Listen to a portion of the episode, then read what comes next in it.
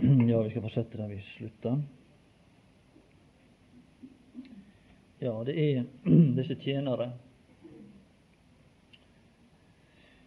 Guds tjenere, som vi finner her i, i et bilde i Lukas 15.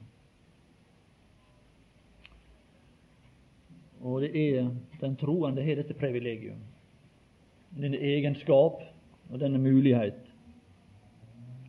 å kunne korrespondere med to verdener samtidig. Å kunne komme til syne og oppleve den verden som i himmelen, Faderhuset, og også å kunne komme til syne i denne verden. Og det var det som dette vers, vers 17 i Lukas 15 da gir en liten anelse om. Men da kom han til seg selv og sa, hvor mange leiefolk hos min far har fylt opp av brød, mens jeg setter livet til her av sult.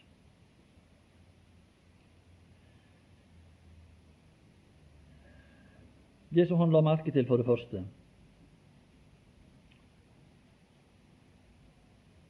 det var noen hjemme, eller i huset. Det var noen der hos min far. Det var det som var karakteren hos disse som han så.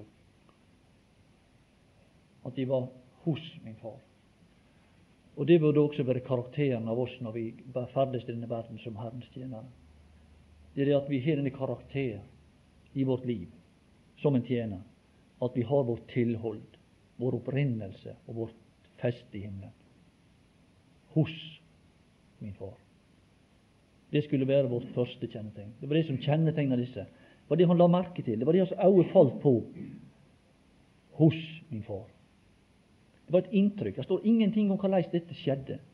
Og det er ingenting fastlåst hvordan vi skal komme til syne i denne verden på den måten liksom at slik og slik skal det skje. Slik og slik skal du være kristen. Men det er bare det at den som er i stand til å leve det himmelske liv, han vil kunne avgi dette vitnesbyrd. Jeg har mitt hjem i himmelen. Og det var dette som, som tente en gnist av håp. Det er det som tenner gnist. Det det Kolossenserbrevet begynte med dette ordet håp. De begynte med håp. Det er håp som er gjemt for i himmelen. Det er liksom, Kolossenserbrevet begynner det helt svart der. Det er ikke slik som i Efeserbrevet. Der er det motsatt. Der begynner det med lys. Men det begynner med lys i himmelen. Men i Kolossenserbrevet er liksom det svart alt. Og så ser du et lite håp en liten gnist som dere har hørt om. Liksom Å, som dere har hørt om. Og så øker lyset, og så øker lyset, og så øker lyset, og så står du framfor Herrens ansikt, for Faderen hans ansikt, og så liksom Å, så, med, så dere med glede takker Faderen. Fordi at det var noen som kom ut med dette inntrykk hos min far som var i stand til å på en forunderlig måte gi et inntrykk av at hos min far Å føre ut til denne verden et inntrykk av noe godt. I det dere viser dere kommer til syne, står det egentlig på grunnteksten. Kommer til syne som himmellys i verden. Så var det et kjennetegn til. Paulus var også hjemme, står det. Enten vi er borte eller hjemme, sier han. Han var hjemme i himmelen. Han var hjemme der. Det var hans tilhold. Og Så var det en annen ting som han la merke til. Og det står det de har havbrød. De har brød. Men ikke bare det. De har fulgt opp av brød. Det var noe han la merke til. Og det var denne tilfredshet. Disse mette personer som han så, som var tilfreds. De hadde brød. Og I, i, i, i første Korinterbrev så står det renhets og sannhets usyrede brød. De kom til syne i denne renhet og denne sannhet som prega det som ble prega fram i deres karakter på grunn av det brød som de hadde nytt. Så står det i Kolossenserbrevet 4-5 om disse tjenere i denne karakter. Omgåes i visdom med dem. Ikke med de troende, men her er det en andre karakter. Med dem som er utenfor. Her er dere tjeneste utad. Og denne visdom, den må vi erverve oss i huset. Når vi er kommet innenfor, så må vi erverve oss denne visdom ved å nyte Kristus, i hvem alle visdommens og kunnskapens skatter er. Og når vi finner det i Han, så kan vi ta det på, og vi kan praktisere det. Den, denne Kristus, i denne karakteren, er kun innenfor, i huset. Og hvis vi slår opp i, eh, i 2. Korinterbrev 6 og vers 4, så vil vi finne det her. Skal bare kanskje bare lese litt, liten av det. Der er at Paulus igjen taler om tjenerne. Av vers 3 så står det og vi gir ikke noe stykke noe anstøt for at ikke tjenesten skal bli lastet, men viser oss Her kommer tjeneren til syne. I alt som Guds tjenere. Og Her kommer denne kledning som Paulus var iført, som tjener. Her er det tjenerens kledning som kommer til syne. Vi viser oss i alt som Guds tjenere.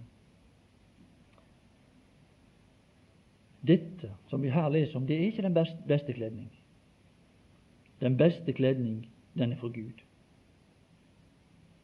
den er at for at vi skal kunne gå inn og pleie omgang med Gud, for at vi skal ha frimodighet til å stå for Gud, og Han kunne være sammen med oss. Men denne kledning, den er tjenerens kledning, slik han står fram i verden. Og de klær, det er slik vi viser oss fram, slik vi kommer til syne for andre.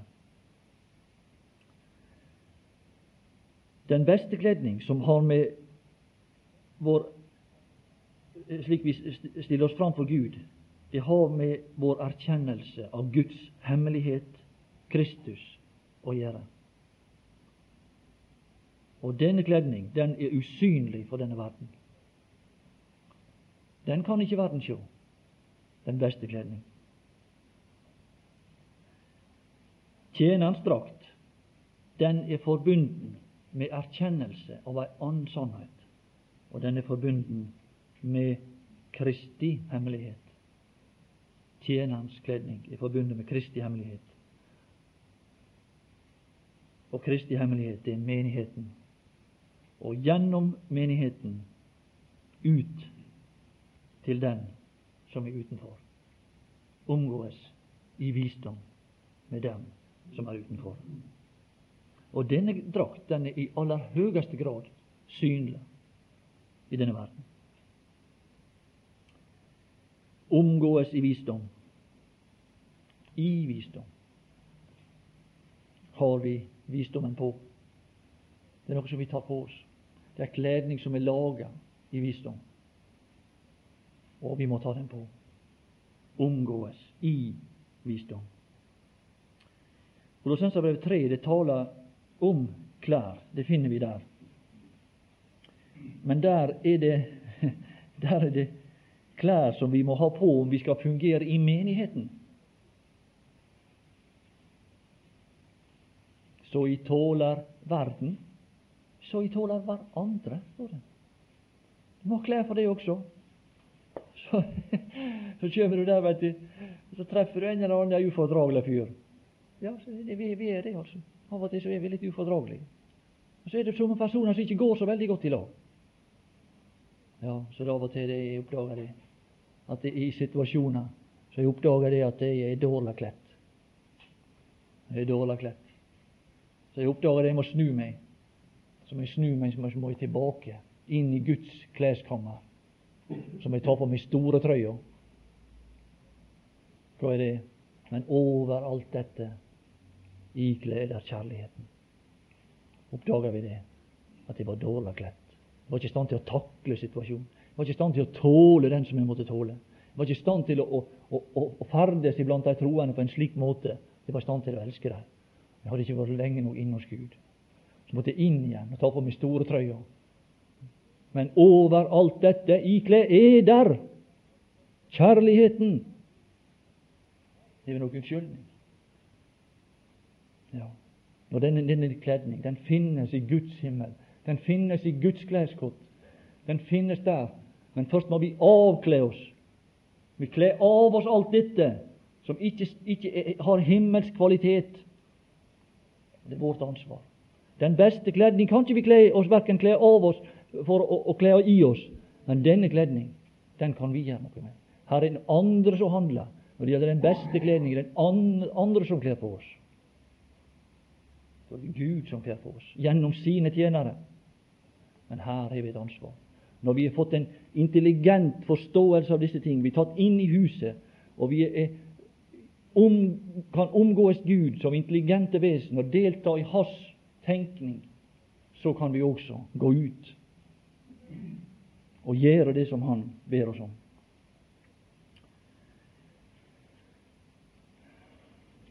Vi kan ikke forbise disse fakta uten at det får følge for våre omgivelser, troende og vantro. Men denne karen her i Lukas 15, han var heldig. Det var noen navnløse tjenere her. Det står ikke noen om dem. Det var litt lett at ikke de fikk, fikk ære, de som skulle ha det. Mm. Det er lett når vi ikke får all ære som vi trenger. Noen navnløse tjenere.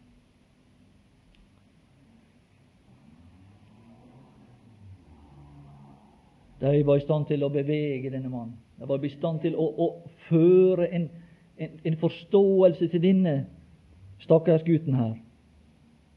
Og det står han kom til sin Han sto opp, og han kom til sin far. Nei, det må nå ikke stemme. Det kan ikke stemme. Det var vel en predikant han kom til. Var ikke det det? Han kom til en predikant. En stor predikant. Nei, han kom til sin far. Predikanter og alle mennesker, alle synlige personer, må forsvinne når sjela, den troende, eller den, den som kjem, den, den bortkomne, fåret, når han kjem til sin far, og han kom til sin far Det står ikke noe om tjeneren, det står ingenting om andre personer. Han kom til sin far. Og Det er dette møtet, dette der alle personer er uten innsyn, det er når sjela møter sin far. Og det er det på et ukjent sted. Det står ikke hva det var helst. Han kom til sin far. På et ukjent sted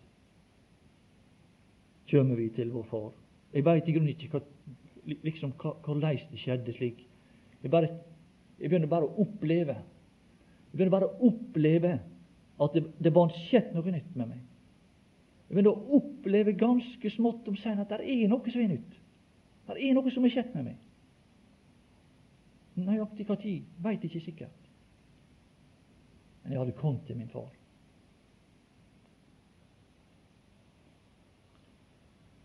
Og dette sted, det var mens han ennå var langt borte. Altså fortsatt er vi langt borte. Vi er langt borte i vår tanke, i vår erkjennelse, i vår forståelse, så er vi fortsatt langt borte. Men da var det det det står i denne lignelse. Da så han sin far? Nei. Da så hans far ham. Det var han som så. Hva ser vi? Det er dette som er forskjellen. Det var han som så, det var far som så, da han ingenting så. Og der langt borte, mens han ennå var langt borte, så falt hans far om halsen på ham. Og ikke han falt om halsen på sin far. Nei, det var ikke Nei, det var hans far som han falt om halsen på ham. Det var det. Og slik er det. Det er en stor forskjell på, på Faderen og på meg når, når, vi møter hverandre. Det er en veldig stor forskjell. Vår evne til å se og vår evne til å forstå. Og Det forstår vi av denne fortelling. og det forstår vi ellers også av Skriften. Der han sitter Han sitter iblant grisene, og så tenker han som grisene. Ja, tanker som er på det nivå om Gud. Det er det som er saken. Han satt blant grisene midt i laget der. Han tenkte ut betingelsene når han skulle komme hjem til far. Så tenkte han slik som grisen tenker. Det var tanker som var for lave for Faderhuset. Og slik er det med oss alle. Han tenkte på betingelsene, og han tenkte på, på frelsa si. Vår frelse den består ikke i det vi forstår. Den gjør ikke det. Spørsmålet er bare én ting. Om det er noe som kan, som kan bevege deg og meg til å røyse oss opp, og så bryte opp med denne hensikt å komme til vår Far. Det er det som er spørsmålet. Hva vi forstår, hva vi tenker, hva vi handler. Det betyr ingenting. Det er bare spørsmål om vi reiser oss opp for å komme til vår Far.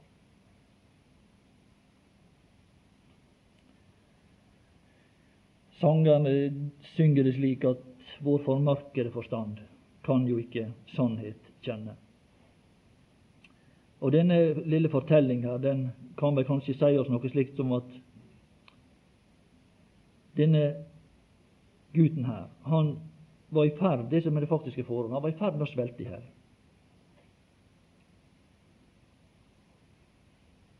Til dette punkt der han sitter, i ferd med kanskje å svelte i hjel av underernæring og grisemat. Det var en, en sti. Der var han ved enden av sin sti. Som, det var hans eget hjerte, det var hans egne tanker, det var produkter av det han var og det han tenkte, som hadde ført ham dit. Det står ingenting om at han hadde liksom i tanke om å gå til sin far, før det var noen som gikk forbi han der. Det var noen som passerte der, og det var disse tjenere hos min far. Altså Det var ikke noe som oppkom i hans eget hjerte at han skulle gå til sin far, men det var noe som, som møtte han.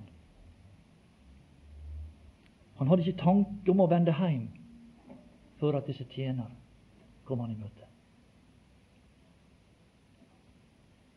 Og det er like som i denne fortelling kjem ut fra himmelen og tvenger han til denne erkjennelse der de liksom kjem inn i, i hans tanke, så tvenger de fram en erkjennelse av hans egen usselhet.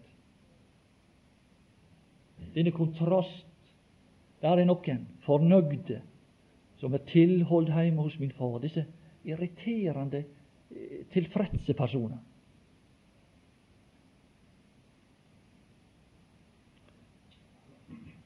Altså Det vi prøver å fortelle det her, det, ikke, det var ikke hans egne evner, hans egne tanker, det som han sjøl kunne hoste opp av sitt eget hjerte, som førte han hjem.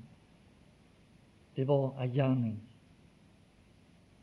gjennom i Faderens gjerning gjennom sine tjenere. Og Det som jeg også skal prøve å vise, at denne karen her han hadde kommet til å feile med hensyn til å komme hjem på egen hånd.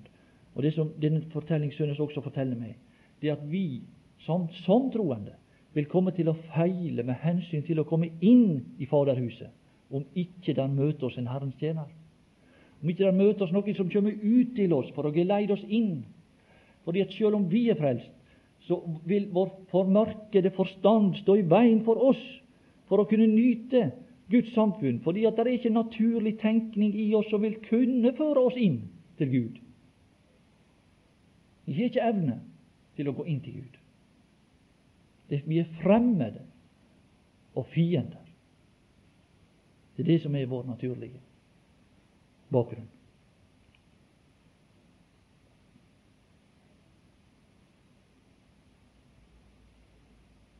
Vi ser denne karen her. Han hadde en viss grad av synserkjennelse. Jeg har syndet mot himmelen og mot deg. Og en følelse av uverdighet. Det har han til en viss grad. Og jeg er ikke verdig lenger, sier han. Nå liksom Når han sitter der på, på med grisene, så sier han at dette ser litt, litt trist ut. også. Men var det noe, var det noe bedre den gikk, dagen han gikk? Men altså nå kan jeg nå liksom se det at det nå ser ikke så veldig bra ut, dette her. Ja, slik er vi. Alt liksom det. Da liksom Nei, nå, nå er ikke det så bra. Men det var bedre før. Ja, det var bedre før. Når festen var på det høyeste. Men sen da arven varte, da var det liksom noenlunde bra med meg. Nei, han var ikke verdig den dagen han gikk, han var ikke verdig den dagen han kom igjen. Men slik er vi. Vi har en relativ forståelse av alt dette her. Vår uverdighet. Det er, noe, det er et, et lite grann av det som Gud ser av vår uverdighet.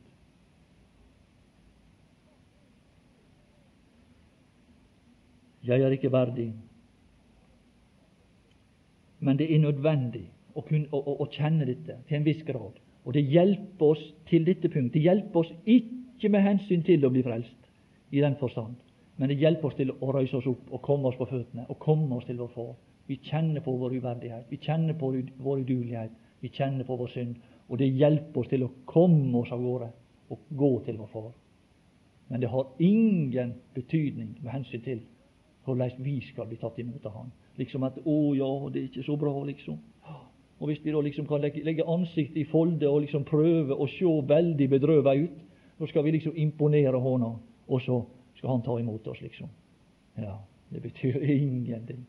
Vi aner ikke hva synd er brakt av sorg for Gud. Vi aner ingenting. Hvor mye vi må angre, og hvor mye vi må sørge.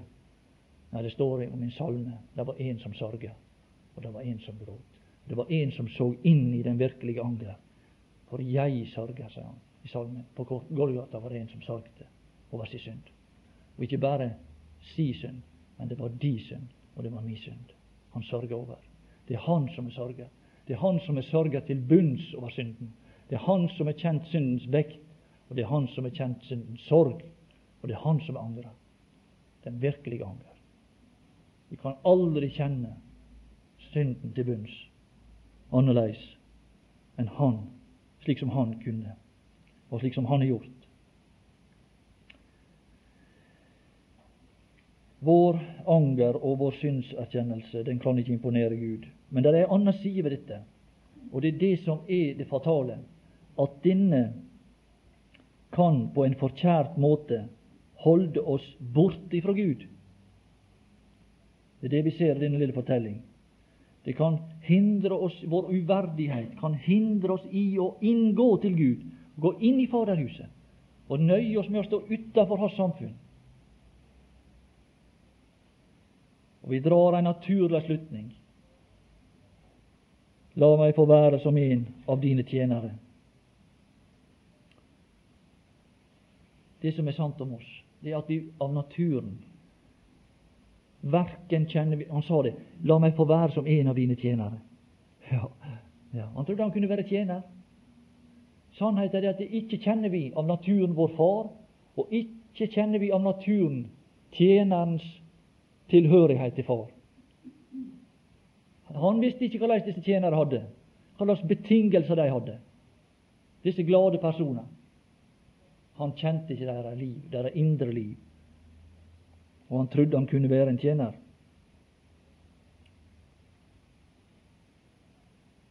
Fordi at det her er snakk om hemmeligheter som ligger borte for det som et naturlig menneske kan komme til erkjennelse av. Dette er vår situasjon som nyfrelste. Vi er kun i ringe grad i stand til å forstå og erkjenne de virkelige ting. Og vi trenger en utvidet forståelse. Og vi trenger at vår kunnskap og, våre, og, og, og vår utvikling at den blir større. Men det som er det fine med det, er at vi blir i frelsen satt inn i en sammenheng, og satt inn på en vei der vi kan gjøre virkelige framskritt når det gjelder dette. Og det er det vi leser om her, og det er det vi leser om i Kolossenserbrevet.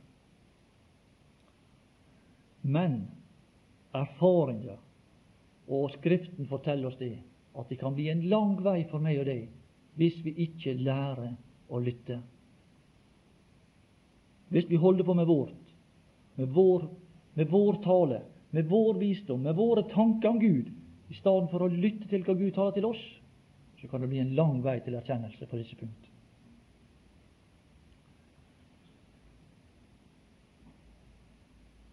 Og en tjener som ikke er lagt veien om Faderhuset, han blir aldri en tjener.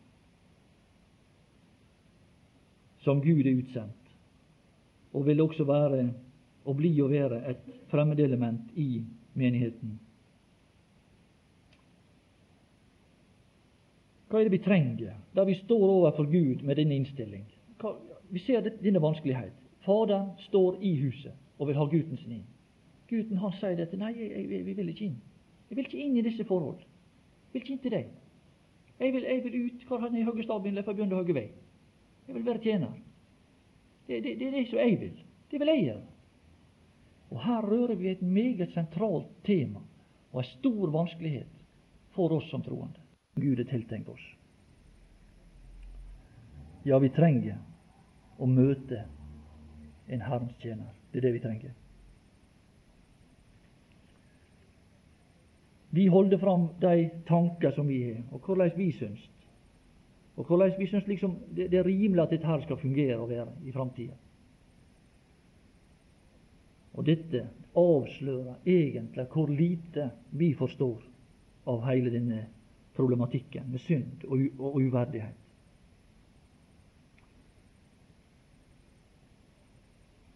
Vår anger og vår forståelse av uverdighet og synd, den er ikke større. Hvor stor var denne karen sin, sin, sin anger og, og, forståelse? Ja, nei, liksom at ja, ja, jeg angrer så, liksom, synder så mye, og, og uverdigheten er så stor at ja, sånn kan ikke være, men eh, ja, jeg kan være tjener. Ja, ser du? Liksom han, han relaterer det liksom til sin egen forståelse. Var han verdig til noe som helst?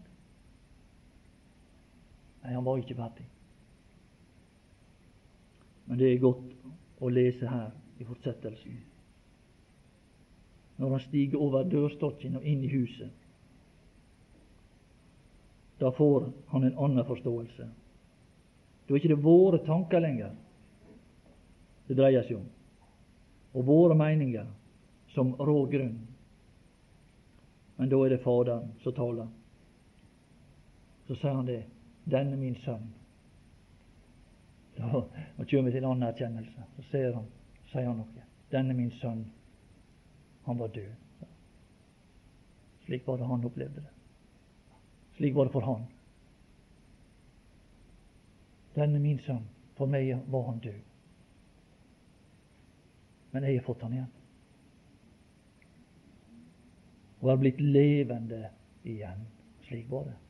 Det var slik det var. Tenk det. Han hadde helt annen, et helt annet begrep om saken. Og det var det som var basisen for hans glede. Det var det som var hans gledesgrunn. Og de begynte å være glade. Han hadde, et, han hadde gjort noe. Han hadde gjort noe som hadde ført dette, denne som var død, tilbake. Og der, ifra dette utsprang hans glede.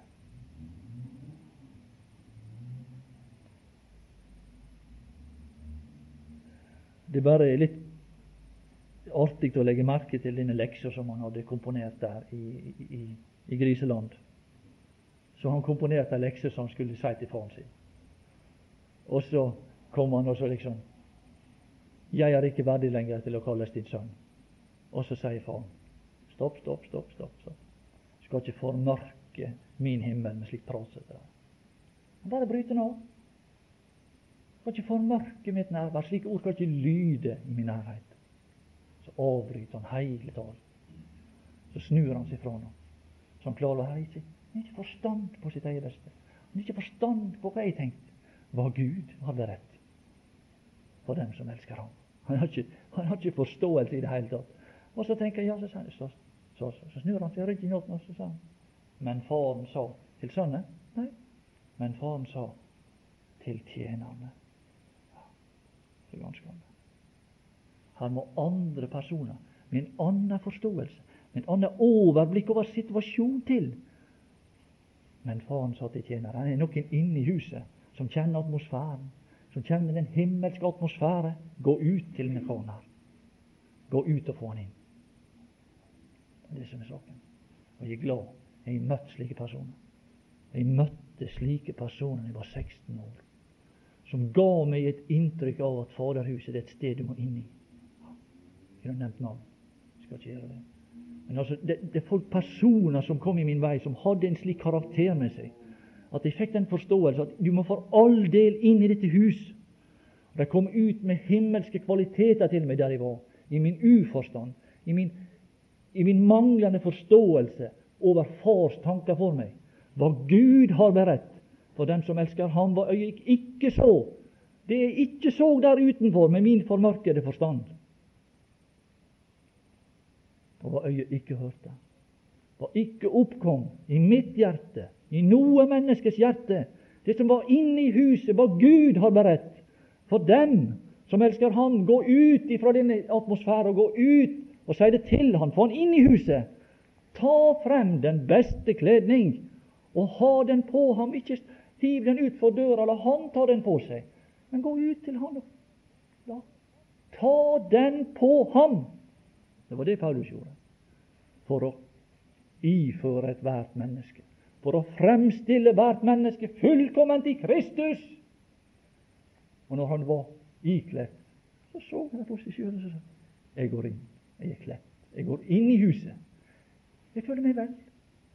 Jeg kan omgås Gud. Hvorfor skal ikke jeg omgås Gud? Jeg går inn i huset, og så omgås jeg Gud. For jeg ser ja, det var staselige klær. Dette var klær som jeg kan omgås Gud i. Og Gud ser på meg og sier ja.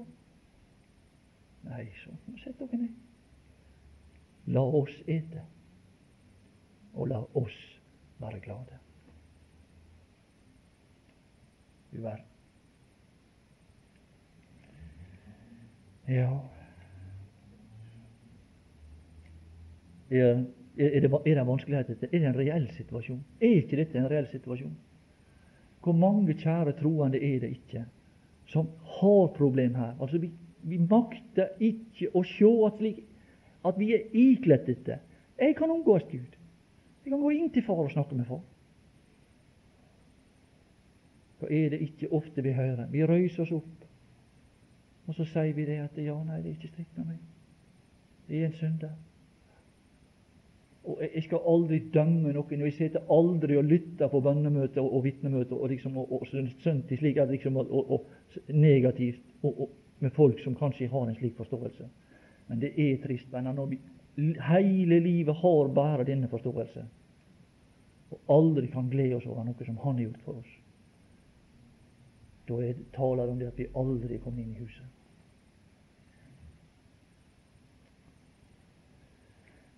Men vi trenger å møte en harmstjener. Vi trenger å møte en som kommer ut av huset. Vi trenger å møte en som kan kle oss opp, så vi kan gå inn.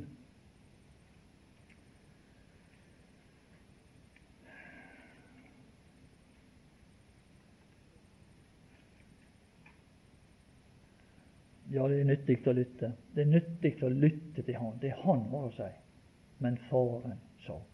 Hva er denne far? Ja, det står om en som himmelen er høyere enn jorden. Er hans tanker høyere enn våre tanker. Så det ligger himmelhøgt over hva vi evner. Når vi har tenkt i endes av vår tanke, så har vi ikke begynt å tenke der Gud tenker laveste. Det som er saken. Når mennesker liksom tenkt og skrevet sine tanker i støvtunge verk, og liksom opphøyer dette. Å, så svært det er, så, det er så tankeflukt, det er så svært og voldsomt. Og folk henger det opp i bokhyllene sine og liksom Du legger vel merke til noen av alle bøkene mine her. Hvor svært er dette her? Og så er det bare langt, langt lavere. Gud har ikke begynt å tenke der. Han har ikke engang begynt å tenke. På et langt, langt høyere nivå. Der er han begynt å tenke. De laveste tanker om oss, hvis det går an å si slik. For ikke å snakke om hans høyeste tanker om oss. Som stiger langt, langt utover disse ting. Men det er ikke noen tanker som han har tenkt å ha for seg sjøl. Hva Gud har beredt for dem som elsker Ham, men oss har Gud åpenbaret det ved sin ånd. Det er disse ting som skulle gripe oss her, i denne samling, i denne menighet. Når vi samles, uansett hvem vi er, så skulle vi stenge alt annet ut og si det. Å, Herre Jesus, stig ned til oss. Og du, Gud Fader, stig ned til oss og tal ved din ånd til oss om disse ting som du er uttenkt for oss. Men vi tør ikke uten at vi blir ikledd den beste kledning. Da tør vi ikke. Da kjenner vi vår, vår uverdighet. Og så ser vi på oss sjøle, og så går vi ut. Vi er uverdige. Det det er den uvegerlige konsekvens.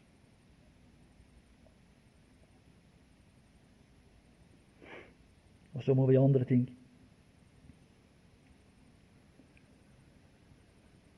Som himmelen er høyere enn jorden, er hans tanker høyere enn våre tanker. Ja, men faren sa til tjenerne Vet du hva folk gjør i dag? Vet du hva vi gjør?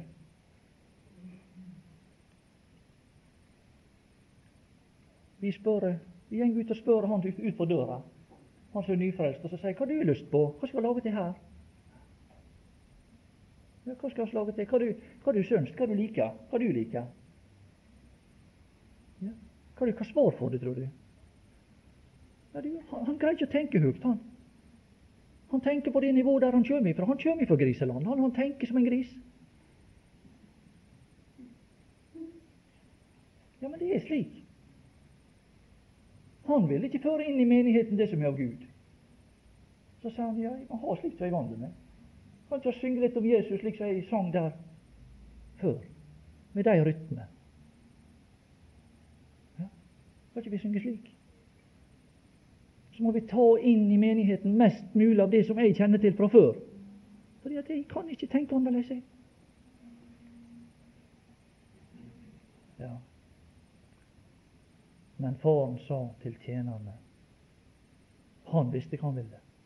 Er det far vi lytter til? Lytter vi til far? Er vi oppmerksomme på hans tale når det gjelder menigheten, når det gjelder den som kommer til Gud? Hva han skal ha, hva som er viktig for den som kommer? Er det det vi er opptatt av? Eller er vi så inn som dagens politikere er? De går til Dagbladet, og så lufter de, ser de på Dagbladet Hva skal jeg mene i dag? Ja. Hva som vil gi meg stemme i dag? Så løfter jeg. Å ja, det er det som er inne i dag. Og så går de på talerstolen i Stortinget og sier at ja, vi må ha det, og vi må ha det, og vi må ha mer av det som river ned samfunnet. Vi må ha mer av alt dette som er fremmed for den himmelske verden. Og det er ikke så rart for den som er ufrelst. Men det er rart når det gjelder troende folk. Da er det rart. Det er rart når det gjelder troende ledere i dag, og tør å kalle seg en troende leder, når de fører inn i menighetene det som er fremmed for Guds verden. Da er det rart. Jeg dømmer ikke verden at de vil ha grisemat, men jeg syns det er rart, og jeg syns det er trist når vi fører inn i menigheten og forringer menigheten og gir den, den som skal omgås Gud, noe som fører han lenger bort fra Gud og fjerner han fra Faderhuset. Da er det trist.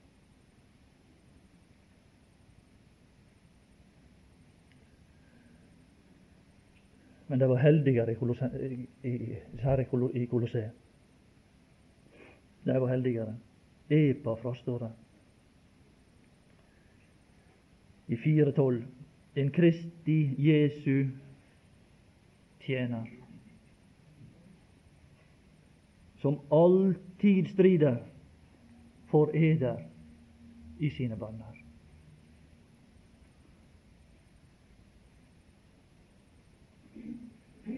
De hadde en til. De hadde Paulus. De hadde Paulus.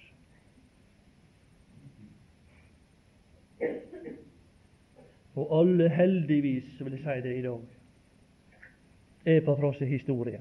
Hans står fast. Han er historie. Han er gått inn i herligheten. Men vi har Paulus. Han lever i Skriften. Og alle som vil møte Herrens tjener, kan møte en Herrens tjener uansett hvem du er. Du kan møte ham i Paulus. Den største Herrens tjener etter Kristus som er gått i denne verden. Og Du kan møte han i hans skrifter, hvordan han tjener, hvordan han løfter den troende inn til Faderen for å fremstille ethvert menneske fullkomment i Kristus. Så vi er ikke hjelpeløse, om enn vi kan si det at vi kanskje ikke har møtt så mange slike. Men det står fast. Vi burde også møte disse personer i menigheten, iblant de troende. Og det står det om Epafras. Således som dere har lært av Epafras. Det var en Herrens tjener som kom ut og lærte disse som ikke kunne. Hva er det, hva er det som trenger å lære? Er ikke det nettopp det? At vi kan ikke. Vi er ukjent med disse ting som vi må lære. Så må vi lære. Ta frem den beste kledning. Det var fars ordre. Far har en ordre til tjenerne. Og det står i Kolossenserbrevet. I tjenere hva, hva står det om dem? Vær lydige. Det er det spørsmålet. Dere tjenere, vær lydige mot deres herrer. Det er vår ordre som en tjener å adlyde vår far. Hvis ikke, så er ikke vi en tjener. Det er det eneste det som Han har talt, som har betydning når det gjelder tjenesten. En tjener han er først og fremst vendt mot Faderen for å lytte og høre og ta ordre ifra Han.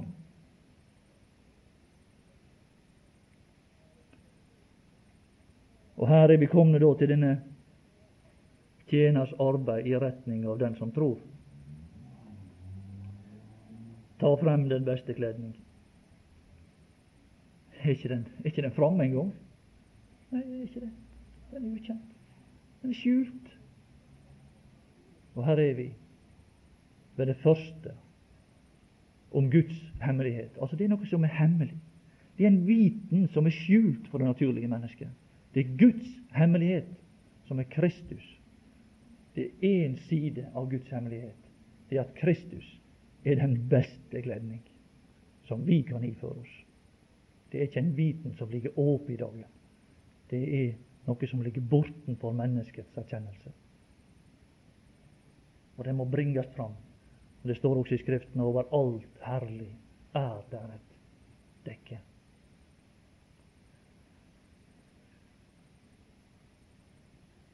Og det er i sannhet en stor ære og begunstigelse å få lære denne hemmelighet om Kristus å kjenne, i at Han i sin person er denne kledning som vi skal kles i for å bli i stand til å møte Gud.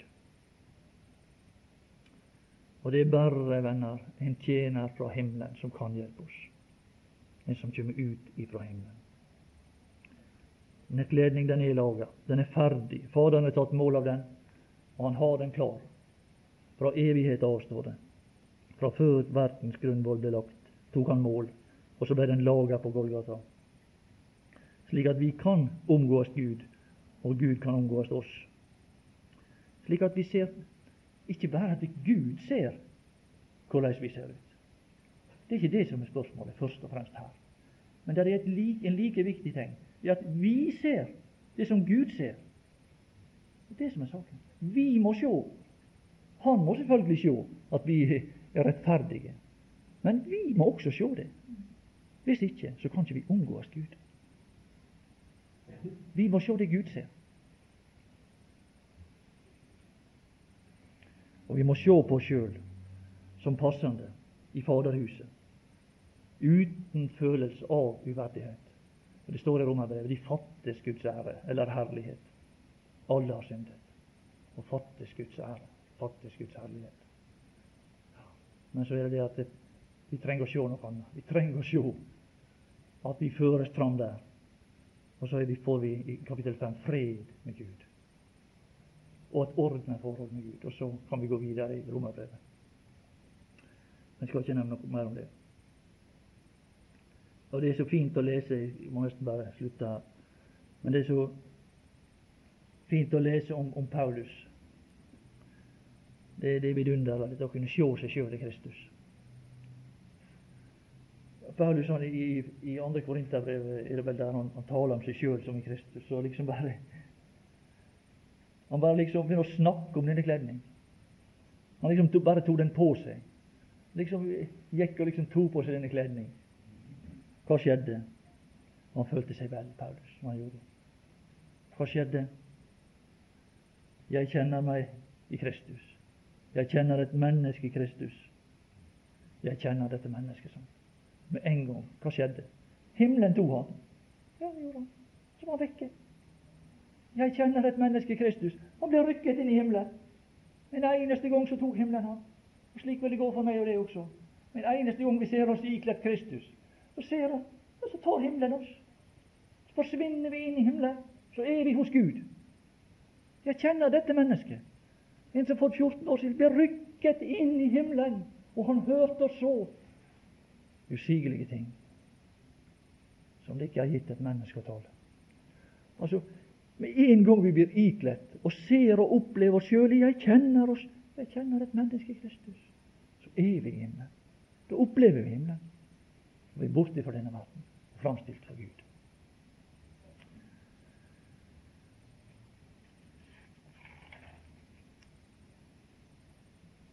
Det samme ser vi i Feserbrevet.